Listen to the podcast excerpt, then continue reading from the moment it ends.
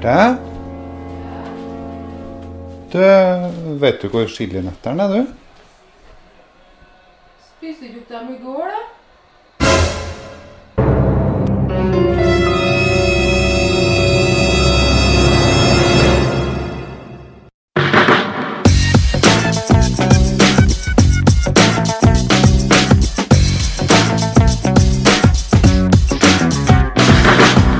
Du hører på Psykologlunsj, populærvitenskapelig lunsjprat med psykologene Tommy, Jonas og Jan Ole.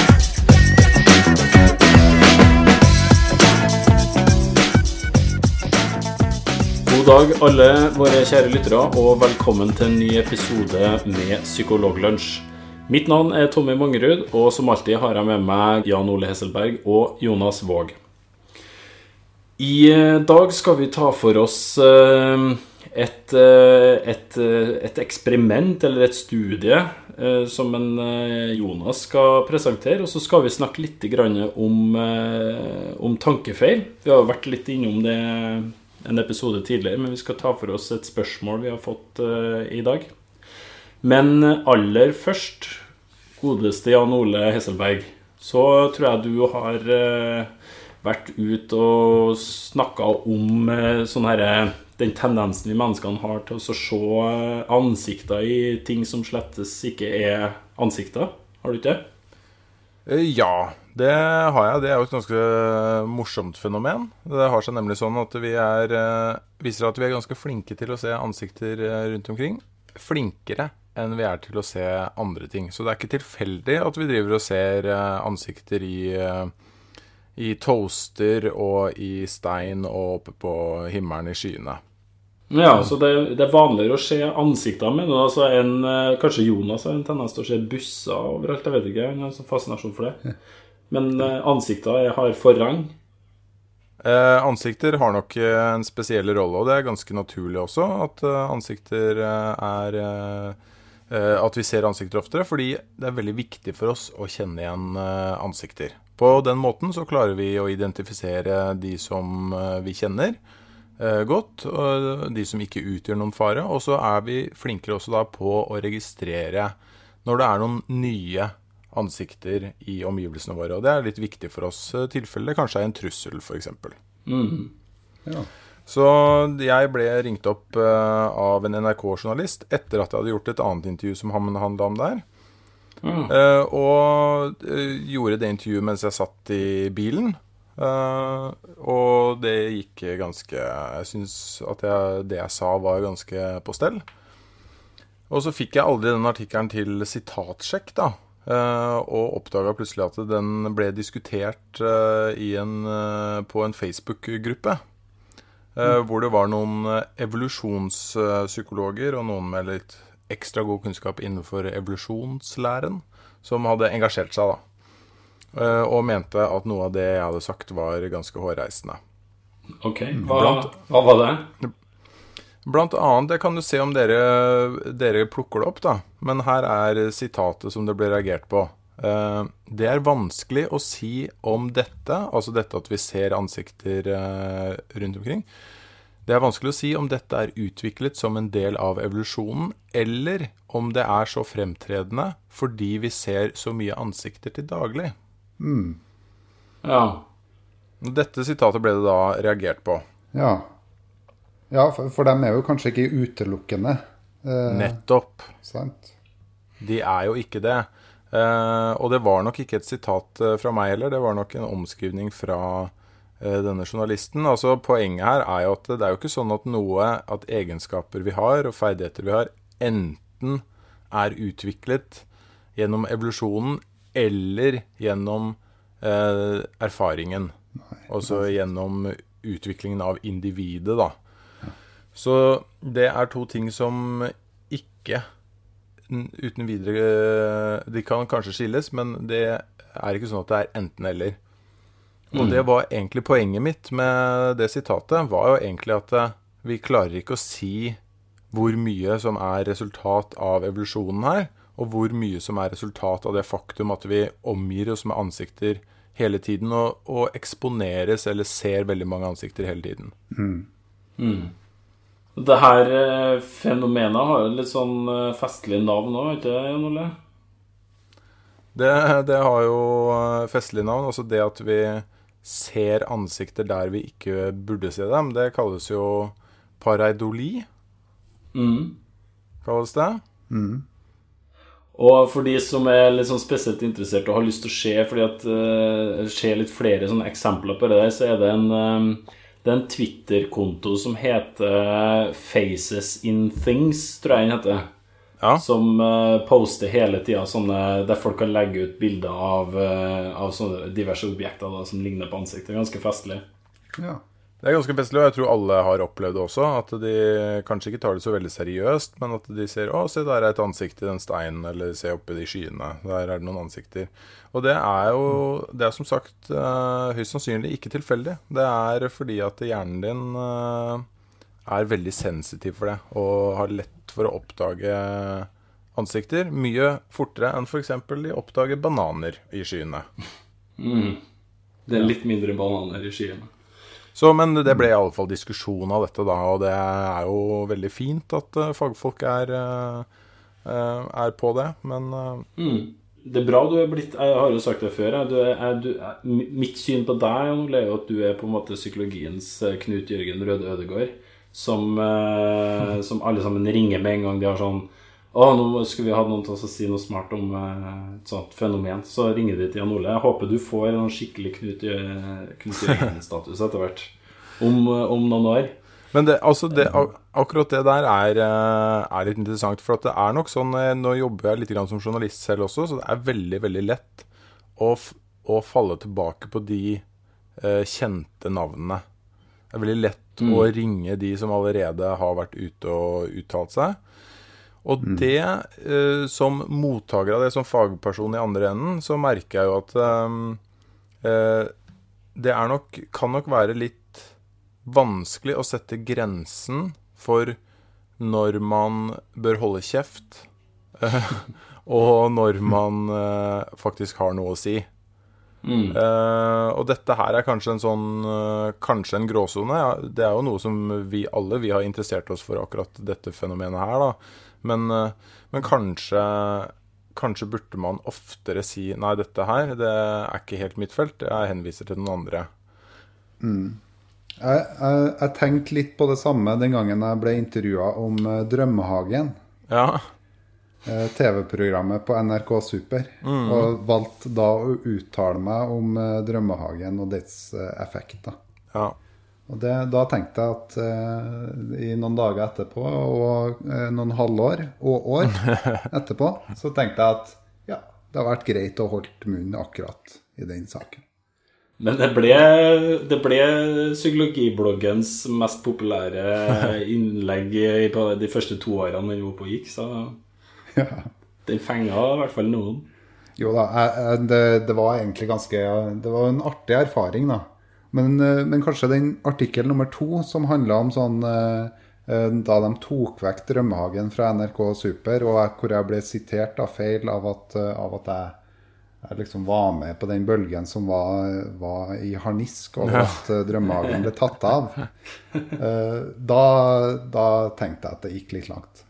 ja. Det går, det går jo ganske bra med Fantorangen òg. Han er jo ikke helt Men, eh, men samtidig så syns jeg jo at eh, man skal ikke være for tilbakeholden med å uttale seg heller. Fordi det er jo Man har jo tross alt en eh, utdanningsbakgrunn og kan si noe.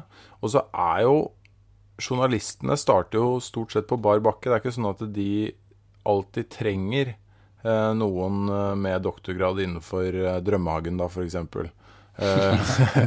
Før de kan, før de kan uh, få noe de trenger. Så Ja. jeg syns jo stort sett at folk, fagfolk bør være flinkere til å være uh, ute i media. Ja.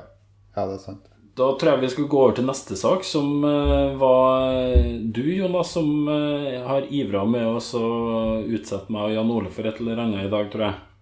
Ja, det var ikke å utsette dere for, for noen ting. Det var mer, mer en interessant eh, eksperiment som jeg kom over. Ok? Eh, det, var, eh, det var i forbindelse med at, eh, at vi hadde en serie på psykologibloggen da vi starta psykologi, psykologibloggen i 2009-2010, eh, så hadde vi noe som het psykologimyter. Hvor dere begge drev og skrev ganske mange gode artikler der. Mm. Men så skrev så måtte jeg, tenkte jo jeg skulle finne på en artikkel. Da, finne på en eller annen myte. Eller ikke finne på en myte, men eh, ta tak i et tema som jeg, eh, som jeg hadde hørt om som jeg ville etterprøve. da. Eh, og da tok jeg utgangspunkt i, i stamming. Og at kiling fører til stamming. Ja. Ja. For, fordi at det i hvert fall husker på når jeg var liten, så fikk jeg høre det at uh, hvis jeg ble kilt for mye, så kunne jeg begynne å stamme. Mm. Og du må passe på å ikke kile broren din for mye, for da kan du begynne å stamme. Jeg vet, ikke om det er et sånn trønderfenomen, eller om du kjenner igjen det du òg, Jan Ole, om du har hørt det noen gang. Jeg, har hørt, jeg har hørt om det, ja. ja. Ja. Ja, og så i hvert fall altså, skulle jeg sjekke ut, da. Gikk jeg inn på forskjellige eh, forskningsdatabaser og, eh, og googla det òg, om hvorvidt kiling fører til stamming. Og da kom jeg borti en del sånn eh, studier som var gjort på stamming generelt. Det var ingenting om kiling og stamming, forresten. Nei. Og da kom jeg borti et studie som heter Monsterstudiet, eller som kalles Monster- Monsterstudiet. Ja. Og, og da jeg leste det, så tenkte jeg at oi sann, det er ikke bare innafor eh, psykologien og med lille Albert og med Milgram-eksperimentet, hvor folk ble gitt støt, at det er blitt gjort uetiske eksperiment. Nei. Eh, Men jammen meg eh, så er det monsterstudiet det er også blant eh, et av de mer uetiske, altså. OK. Ja. Og da tenkte jeg at, vi kanskje kunne, at jeg kunne presentere det for dere, hvordan det ble gjort. Og så kan vi diskutere det litt etterpå, hvis det er greit. Ja. Kjør på. Ja, det eksperimentet ble gjort i, i 1939, eh, og ble gjennomført av en som heter Wendell Johnson, eh, som var fra Iowa. og Det ble gjort eh, på eh, University of Iowa, da. Eh, Sjøl så var han en, en bondegutt eh, som begynte på Iowa og tenkte han skulle studere litteratur. Eh, fordi at han sjøl, eller litteratur og skriftspråk, da, han hadde tenkt å bli forfatter, tror jeg. Fordi at han sjøl stamma. Ok. Eh, og han stamma ganske fælt. Altså han stamma ganske utarta. Folk hadde vansker med å forstå han. Og han uttalte sjøl at etter hvert så ble han en eh, spesialiserte seg på psykologi, og, og etter hvert også på, på logopedi. da. Eh, og han sa sjøl at han ble en logoped fordi han sjøl trengte en. Og eh, han beskriver da fra den eh, tida hvor han studerte og var eh, student, så eh, studerte han sammen med mange andre som også sleit med stamming. Og dem sammen prøvde han å finne ut hva stamming, eh, hva var egentlig opphavet bak stamming. Da brukte de bl.a. elektrosjokk på hverandre og sjekka om det fjerna stamming. Eh, og de skøyt våpen rett ved ørene til hverandre eh, for å høre om det skremte folk til å slutte å stamme. Ok. Eh, eh, og det, men det var ikke det eksperimentet som han gikk med etter hvert. Men, eh, men det sier jo litt om hvordan eh, ja, Ja. eh, nivå eh, eksperimentene var på. da. Mm. Ja. Fordi etter hvert så ble det en mer og mer konsensus da innenfor feltet at det var fysiolog eh, fysiologien som gjorde at, at eh, mennesker begynner å stamme. da. Eh, Men han, eh, Wendell Johnson han var uenig i dette her. ja. Eh, fordi at han sjøl hadde begynt å stamme som fem-seksåring. Og han mente da at det hadde forverra seg, eller det hadde både begynt og forverra seg, da læreren, læreren hans påpekte det. Og at foreldrene hans ble veldig sånn sensitive for det. da. ja. Så derfor satte han i gang et prosjekt hvor han ville, ville da bevise at, eh, at det var bekymringer rundt stamming eh, som gjorde at man stamma videre. Og da var han da Han kunne ikke bare basere seg på anekdotiske bevis, at han sjøl hadde opplevd det, så da måtte han gjennomføre et eksperiment. Og da mente han da at han måtte bevise at eh, stamming kunne bli indusert. Altså at stamming kunne bli påført noen. Eh, Så det han gjorde, siden da han var på University of Iowa, Og de hadde en avtale da med et lokalt eh, eh, barnehjem. Så plukka han ut 22 barn ut av det barnehjemmet. Og det, det her det begynner å bli eh, Etikken begynner å dukke opp, da. Skjønner. Fordi de her 22 barna som han plukka ut, plasserte han i fire grupper. Ti av dem stamma, og av de ti så ble, ble de delt opp i to grupper. Den ene gruppa fikk høre at dere stammer, men det vil gå over. Ja. Det her kommer til å gå fint. Den andre gruppa mottok eh, terapi som Du stammer, det må du gjøre noe med. Dette her er avvikende fra sånn som det er med nordmenn». normen. Ok. ja. Eh, og så var det tolv barn til. De tolv barna ble også delt i to. Og de hadde ikke, de hadde ikke et stammeproblem i utgangspunktet. De stamma ikke, og ikke, var ikke noen rapporter på det. Den ene gruppa fikk høre at du snakker normalt, bare fortsett med det.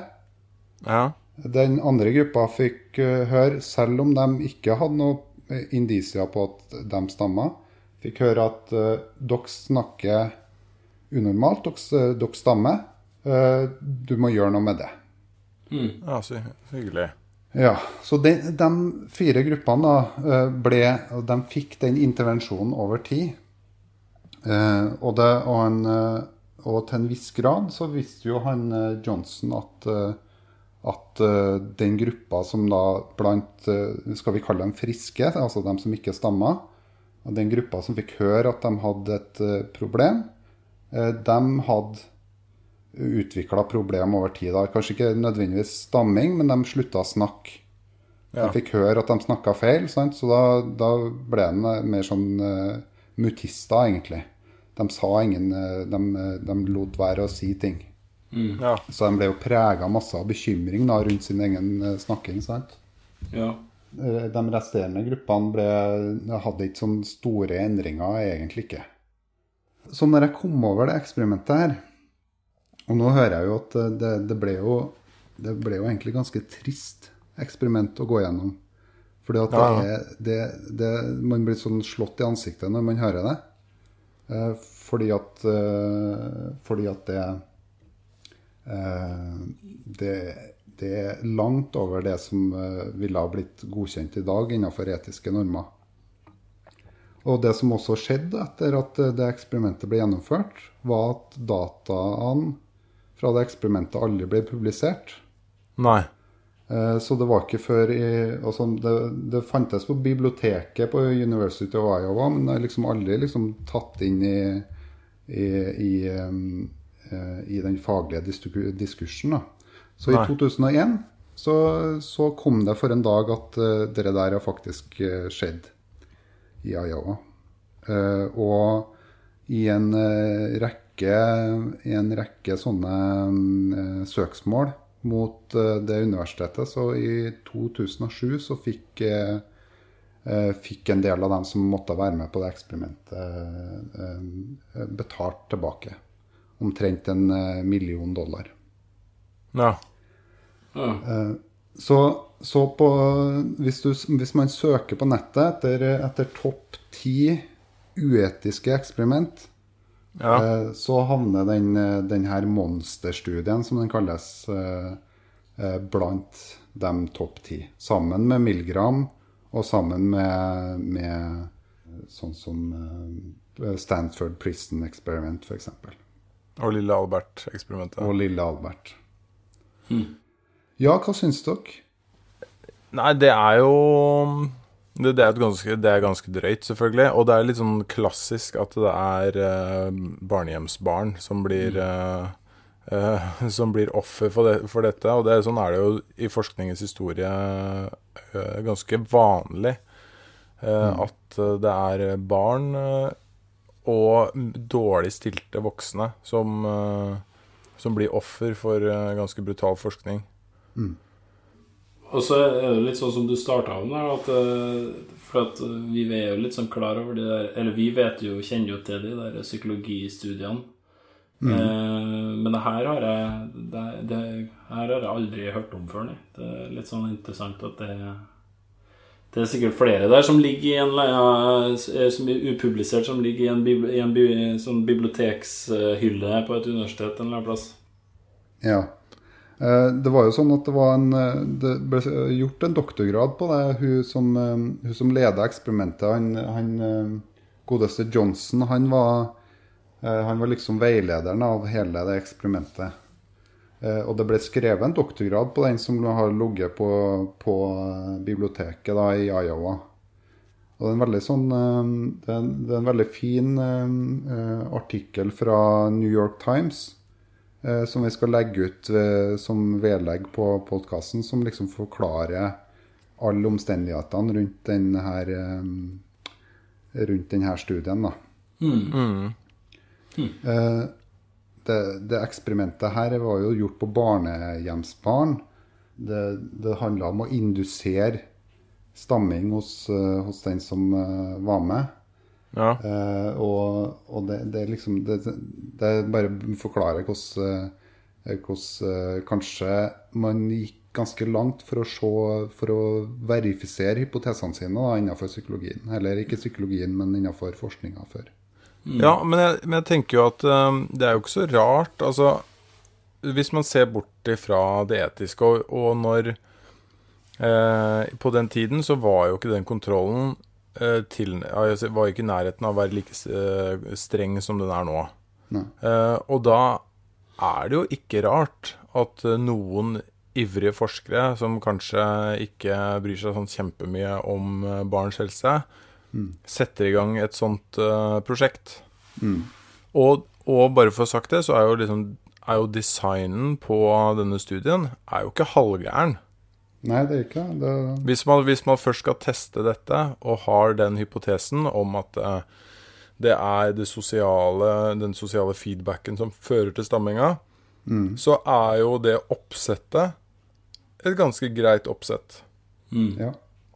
Det er kanskje litt få barn men, uh, som deltok, men uh, Heldigvis. Og det, og det, det, eh, det har vært gjort noen, noen intervjuer med hun som, eh, hun som leda eksperimentet, eller som var, var, eh, var den som skrev en doktorgrad på det, som hadde han Johnson som veileder. Ja. Eh, og hun, eh, hun, også, hun forklarte da at for å liksom eh, klare å forholde seg til at hun faktisk hadde gjennomført dette her, eh, så overbeviste jeg sjøl om at resultatene av den forskninga, eller eh, det man faktisk fant ut, at, eh, at eh, hvis du forteller et barn at, eh, at du har et språkproblem, så blir det også mer sensitivt, så at, eh, sånn at det går utover språkproduksjonen din og skoleresultatene, sånn som det gjorde her. Eh, Det, det kunne ha kommet til nytte til resten. da. ja, ja. Så, så ofre noen til, til, til liksom eh, eh, Til fordel for, for eh, samfunnet, på et vis. Men eh, det at man det at altså, alle psykologistudenter lærer de her eksperimentene som vi nevnte i stad nå, det, det er på en måte grunnfagspensum. Man lærer øh, om de, og både fordi at akkurat de studiene hadde en del interessante funn som hadde konsekvenser, men også fordi at man trenger å vite om liksom forskningsetikk og, og, og hvordan man bør og ikke bør gjennomføre studier da, med tanke på øh, forsøkspersonenes ve og vel. Men Det er jo sånn, det er veldig interessant og viktig å fortsette å holde på en måte de her tingene høyt opp, for det er jo litt sånn eh, det er liksom, liksom konseptet med, med historie som fag i det store og hele, det å på en måte ha med seg de tingene videre. Mm. Sjøl om eh, på en måte andre verdenskrig og nazismen er et go- godt stykke tilbake, så finnes det jo fortsatt eksempler på at folk gjør lignende grusomme ting med hverandre i en mindre skala eh, her og der i verden. Sånn at det å på en måte hele tida være ha det her i universitetspensum og sånn, det er jo ikke sånn at alle som blir forskere, automatisk skjønner at ikke man bør gjøre ulike ting med folk som ikke er bra. Det er sagt, Så- det. Og, og, men hvis eh, folk er mer interessert i eksperimentet, så det, står det mye mer sånn eh, rikt om det i den uh, New York Times-artikkelen, som er veldig bra. Ja. Uh, mens vi er inne på de topp ti eksperimentene, så så, for du har liksom de klassikerne som vi har hørt om i, i gjerne hvis man har gått psykologi i grunnfag, eller, eller hvis man har vært litt interessert i psykologi og lest litt på det, så, så, så kommer jo de klassikerne som vi har nevnt, opp. Eh, Men det er også et annet et som, ikke som i hvert fall ikke jeg har kjent til, og det er et som heter eh, Landis Facial Expressions Experiment. Jeg vet ikke om dere kjenner til det? Det ringer ingen umiddelbare bjeller. Nei, det gjorde i hvert fall ikke det gjorde ikke det til meg heller, men eh, når jeg leste det, så skjønner jeg godt at, eh, at eh, man eh, At eh, det ikke nødvendigvis er noe man roper høyt om. Nei. Eh, Fordi at i 1924 så ble det gjennomført et eksperiment eh, i Minnesota, da, på universitetet der. Og da skulle man se om forskjellige følelser laga spesifikke ansiktsuttrykk. Altså egentlig sånne type, sånn type forskning har blitt gjort ganske mye i nyere tid også. Eh, men det de gjorde da, var at de tegna sånne svarte linjer rundt alle rynkene i, i ansiktet. Eh, for å liksom kunne registrere det og tegne det, da. Og så ble eh, de eh, forsøkspersonene utsatt for forskjellige ting. Og det var liksom det de ble utsatt for, eh, det var kanskje litt spesielt. I starten så ble de liksom utsatt for litt sånn ubehagelige bilder. Eh, Det å lukte på ammoniakk. Eh, Det å se på pornografi. eh, Og ha handa nedi en bøtte med frosker. Ja. Eh, Men så var det liksom den, den prikken over i-en, da. Eh, Så ble alle utsatt for at de måtte ta og kappe av hodet på ei rotte. ja. Eh, Som seg hør og bør. Ja. Og, og det, var, det var bare en tredel av dem som var med på det, som gjorde det. Eh, Ja. så, så derfor, for at eksperimentet skulle bli valid, da, eh, så, så eh, var det sånn at han Landis sjøl, han, han kappa av hodet på de rottene hvis, eh, hvis ikke de gjorde det sjøl. Ja. Så at de måtte sitte der og være vitne da, til at det skjedde. Aha. Fantastisk. Eh, og det som ble resultatet av den studien, det var at de ikke klarte å bevise at eh, mennesker hadde et, eh, et likt sett av unike ansiktsuttrykk. Da. At de ikke klarte det? Ja, de klarte ikke å Ja. bevise det. Så, Nei, da, så sånn avsky og sånn, eh, de, de, de fant ikke, fant ikke noe, noe likt eh, eh, noe, noe, noe sammenheng der. Kan det jo være at de her menneskene opplevde litt mer sammensatte emosjonelle tilstander enn bare avsky, akkurat idet forsøkslederen bare drar fram en rotte kappa av hodet på han. Vil tro det. Vil tro det. Det kan fort være. Men dere, eh, når vi først er inne på disse eksperimentene, så eh, Så dere har jo selvfølgelig hørt om Pavlovs hunder. Ja. Eh, Der var det jo eh, denne Han var russer, var han ikke det? Ja. tror. Eh, ønsket eh, å kartlegge hva som skjer når eh, dyr da lærer seg en atferd. Eh, og det han gjorde, det var at han klarte også å få hunder til å begynne å sikle bare de hørte lyden av en eh, bjelle. Fordi han hadde over lengre tid uh, sørget for at uh, først så ringte han en bjelle, så kom maten, og så begynte hundene å sikle. Og til slutt så klarte han å få dem til å begynne å sikle bare ved, ved lyden av denne bjellen. Det er, et ganske, det er en ganske kjent eh, studie som de aller fleste kjenner til. Men visste dere at han også brukte mennesker eh, til dette? Nei. Nei. Nei. Jeg, jeg mener til det spesifikke, for han holdt jo på med mange forskjellige eksperiment utover de her eh, sikleeksperimentene sine. Ja, men altså det her var, eh, tror jeg var et av disse sikleeksperimentene. Eh, og, og måten han registrerte denne siklinga på, var jo å operere inn sånne eh, oppsamlere i, eh, i kjeven til folk. Ja. Ja. Ehm, og det gjorde han med hunder, og det gjorde han også med mennesker.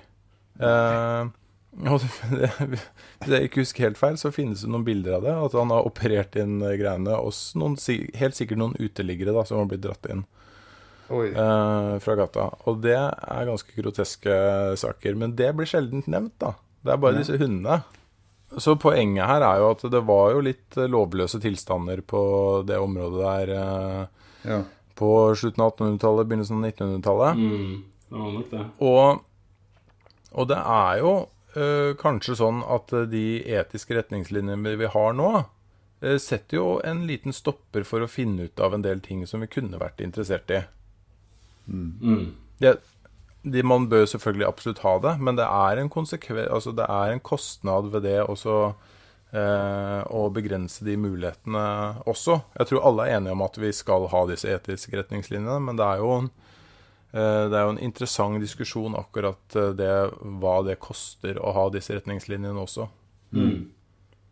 Ja, det, det var jo Når jeg leste på om det stammeeksperimentet, så, så sto det jo det at dette var et av de største datasettene faktisk som man hadde på, på stavming. Det, man vet Ja. egentlig ganske lite om stamming i seg sjøl, så, så, eh, så det Altså det, det, De studiene gir faktisk et vitenskapelig bidrag. Eh, og i, vi som kjenner til psykologiens historie og sånn, så vet vi jo at, eh, vet vi at eh, de fleste av de her eksperimentene nevnes jo eh, som argumenter ofte i, i, når man skal teoretisk utlede hvorfor enkelte ting skjer. Ja, F.eks. med konformitet. at Hvorfor er det sånn at, eh, at menneskemengder kan, eh, kan eh, gjøre groteske ting bare etter, eh, bare etter å ha hørt på lederen sin, på et vis. Men eh, da tror jeg kanskje vi skal over til neste tema. Og eh, neste uke i Psykologlunsj så vil vi ta for oss samtlige av dr. Mengeles eksperimenter under andre verdenskrig. Det skaper jo så god stemning, akkurat Ja, ja. å snakke om sånne ting. Det er, sånn, det er, det er den gode sommerstemninga, liksom. Jeg tror, tror vi må jeg tror, kanskje, kanskje bør vi på, i hvert fall sette det sammen med noe litt mer eh, koselig. Det får bli en note, eh, note to self neste gang. um, men vi skal over til det siste temaet som vi skulle ta for oss i dag. Og det var, eh, det var det her med tankefeil. Eh, Vi har fått inn et spørsmål som eh, du skal lese etterpå, Jan Ole. Men først så kan jeg si at vi har jo vært innom det her med tankefeil, eller sånn logical fallacies, tidligere også. I forbindelse med med Jo, det var vel det, i forbindelse med Åndenes makt, tror jeg faktisk vi snakka om det. Eh, og nå eh, sist lørdag den eh, 14. juni så eh, fikk jeg lagt ut en sånn spalte på psykologisk.no om eh, tankefeil, hvor jeg prøvde å få til en sånn liten oversikt, da, for at eh, det er jo en del kilder på nettet med oversikter over ulike tankefeil, men eh, jeg tror ikke jeg kom over noen spesielt gode og mer omfattende på norsk, i hvert fall. Så jeg prøvde meg på en liten sånn liten oppsummering, i hvert fall. Så det kan jo være interessant for folk å klikke seg inn der og kikke hvis de har lyst til det. Eh, Men da tenkte jeg vi kunne jo, vi kunne jo leke oss litt med å finne tankefeilen da, som vi har gjort en gang tidligere. Fordi at eh, vi har fått et spørsmål eh, innsendt til oss om eh, hjelp til akkurat det. Har vi ikke det, Jan Ole? Det har vi. Vi har fått et spørsmål fra en som heter Joakim, og som er psykologistudent. Han sier at han har hørt mye på Psykologlunsj og digger det. Det er bra. Det er bra. Er ikke det bra? Det er veldig Ja, bra. det er bra. Fortsett med det. Joakim. Uh, han skriver videre at han uh, leste gjennom kommentarfeltet på Dagbladet og fant uh, dette sitatet. Jeg tenkte det måtte være morsomt å høre eh, hvordan dere analyserer dette med tanke på tankefeil. Eh, og dette er et svar på en kommentar om at en bør unngå å dømme andre. Eh, og den eh, kommentaren er som følger. Tull. Man skal dømme konstant og alle. Det er sånn vi er. Å si noe annet er bare fordi du ikke forstår mekanismene i menneskesyken. Alle som skriker på Dagbladet og Aftenposten bare fordi noen ser skjevt på dem, stiller seg utenfor fellesskapet. Skal noen bli respektert av meg, så må jeg få si det jeg mener, ellers slutter de å være individer for meg. Hmm. Det var, kraftig eh, kost. Det var kraftig kost, det. Det er sånn det skal være si på nettdebatter, skal ikke? På sånn kommentarfelt. Ja, det, var, det er den kombinasjonen av kraftig kost og eh, litt dårlig setningsbygning som eh, gjør at dette er klassisk eh, kommentarfeltinnlegg. Mm. Var det et ad hominem, eh, Jan Ole? Mm, nei, jeg bare registrerer at uh, setningsbyggingen, syntaksen, litt dårlig. Det var fakta, med andre. Ja. Har dere noe jeg, jeg, I hvert fall mitt, min kjappe over uh, gjennomlesinga har jeg så greid å identifisere intet mindre enn tre på den korte den teksten her, da. Jeg vet ikke om dere eh, så noe som skurra? Hmm. Ja Det er jo ganske, det ganske mye som skurra, syns jeg. Men uh... Jeg vil, jo, jeg vil jo si noe som er Noe som i og for seg er enig i her, da. Hvis den opprinnelige kommentaren var at man bør unngå å dømme andre, eh, det er kanskje greit nok, men jeg er enig i at det er veldig vanskelig å unngå det. Mm. At det kanskje er umulig å unngå det. Fordi eh, hjernen vår er eh, ganske fordomsfull av seg. Eh, og tar eh, raske beslutninger basert på tolkninger eh, hele tiden. Mm. Og det slipper vi ikke helt unna. Men hvis vi ser litt på litt sånn, den første setningen der, da, så bryter vi det litt ned og ser litt på premissene og konklusjonene. Så hvis du sier Jeg kan gjenta igjen. Altså tull. Man skal dømme konstant og alle. Det er sånn vi er. Å si noe annet er bare fordi du ikke forstår mekanismen i menneskesyken. Så som jeg ser det, så er det litt sånn det, bygger ikke akkurat opp en slags argumentasjon. Det er mer egentlig en konklusjon, og så, og så bare argumentere en ut ifra en konklusjon han allerede har lagt fram, på en måte. Hvis jeg, Syns dere det gir mening? Ja, jeg er enig i det.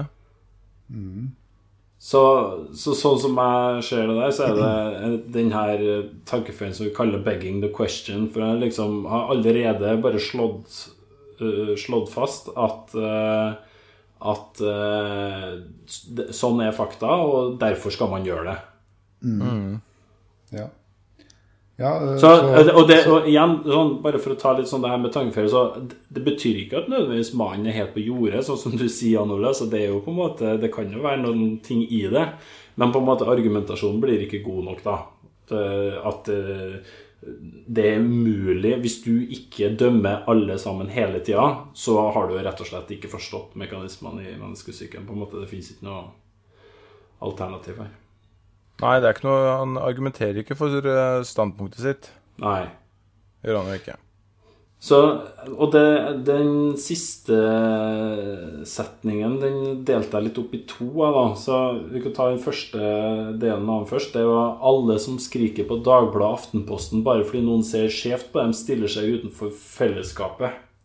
Så eh, kanskje hoved... Eh, hovedproblemet her er at eh, ty tydeligvis så, så alle sammen som uttaler seg på Dagbladet Aftenposten, eh, de hyler og skriker fordi noen bare ser skjevt på dem. Så de er antakeligvis veldig lett krenkbare her, da. Ja. Ja, altså, så hvis du går på argumentasjonsrekka Men det er jo litt, så- det er jo litt vittig, da. At alle som skriker på Dagbladet bare fordi at noen ser ser skjevt på dem, stiller seg utenfor fellesskapet. Så, at- så at når all det hylekoret da, som står og hyler på Dagbladet og Aftenposten, de stiller seg utenfor fellesskapet, da. Ja. Eh, Og det finnes Den- åpenbart bare ett fellesskap. ja. Så den store gruppa, de tusen stykkene som eh, har det som arbeid, og sitter der og, og roper eh, Ja. og, og kjefter på dem som ser skjevt på dem, eh, de er liksom ikke i gruppe. Ja.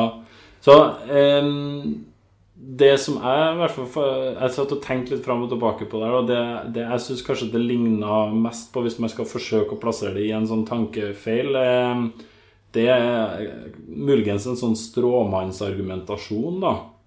For at man på en måte karikerer eh, standpunktet til de her kommentatorene på Dagbladet Aftenposten eh, Ja.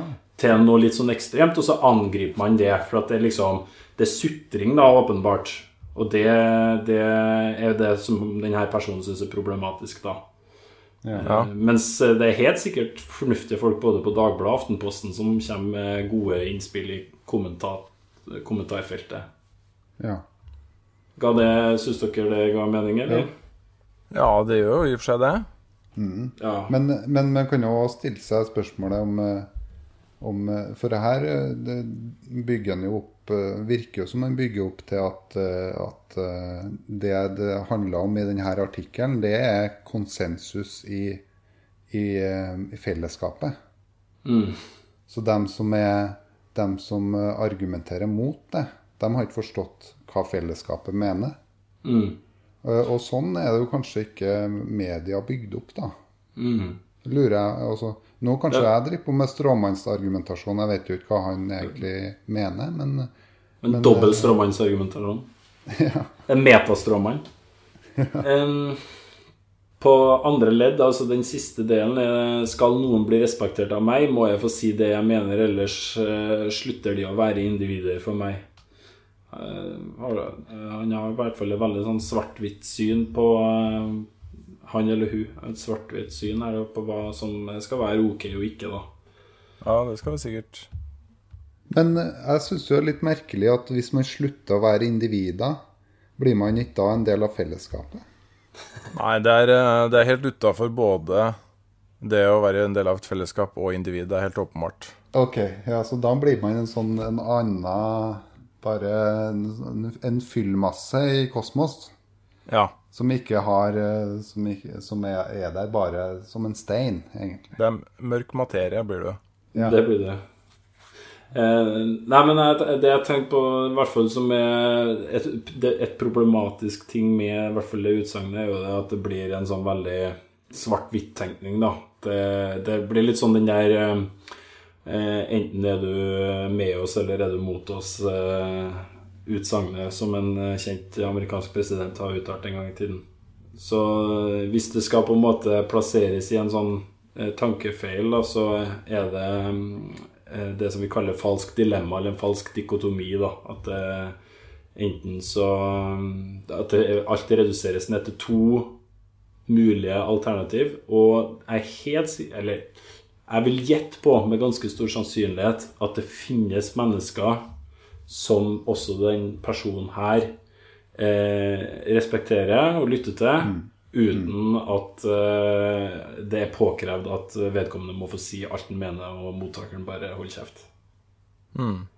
Ja, og, men, men det er jo sånn som en Jan Ole var inne på, sant, at, eh, at her er det jo en del sånn argumentasjon rundt en, en, eh, noen ting, da, sånn som å ta utgangspunkt i at man ikke skal dømme andre mennesker. Hadde, hadde den personen her formulert da at eh, eh, det er dessverre ikke sånn at, uh, at vi uh, klarer å ikke hoppe til konklusjoner eller hoppe til å ha en type fordommer som vi har vansker med å liksom fri oss fra. Men da, det, men da må du argumentere med det. Ja, Ja. Det er det som er Men- poenget. Det, det, det, er altså Vedkommende har muligens eh, gode poeng langt Mm. dypt inni der, men da må det argumenteres med de, eh, med de eh, påstandene, ikke, ikke, ikke på den måten som det gjøres her. Da. Hvis man ønsker å overbevise noen med, med valid og gjennomtenkt logikk. Og jeg gleder meg til du skal fære inn på kommentatorfeltene og rydde opp i, i alt. Og det vil fremstå som uh, reneste Akropolis eh, på, på kommentatorfeltene. Med, med, med ord og uttrykk som om eh, 'ta giftbegeret', du som ikke forstår den argumentasjonen. Ja, sant. Nei da, men sånn som jeg skrev i den eh, lille spalten min nå, så det er jo ikke at uh, Altså, jeg tror, uh, jeg tror alle sammen begår sånne tanker for hele tida. Det er helt umulig å være 100% fri for eh, logiske feilslutninger, nettopp av akkurat de samme årsakene som vi driver og snakker om hele tida i Psykologlunsj. Det er helt menneskelig. Men eh, det er nok eh, Det er vanskelig å på en måte være uenig i at eh, å være øh, å ha en på en måte gjennomtenkt og valid argumentasjon er det beste. Hvis du vil på en måte prøve å legge frem en sak, så er det veldig fint om du kan bygge opp under dine påstander, og ikke bare holde for ørene og, og si at eh, sånn er verden bare fordi jeg syns det er triveligst inni mitt hode. Sant. Eh, og vil du eh, lære deg litt mer om tankefeil og logiske oppbygninger av argument, så, så les Tommy Mangerhus eh, eh, kronikk, eller hva skal vi kalle det, innlegg, på psykologisk.no. Da tror jeg vi, da tror jeg vi er i eh, mål for i kveld, gutta. Det var veldig hyggelig å prate med dere igjen. Takk for i kveld, og vi høres igjen om et par uker.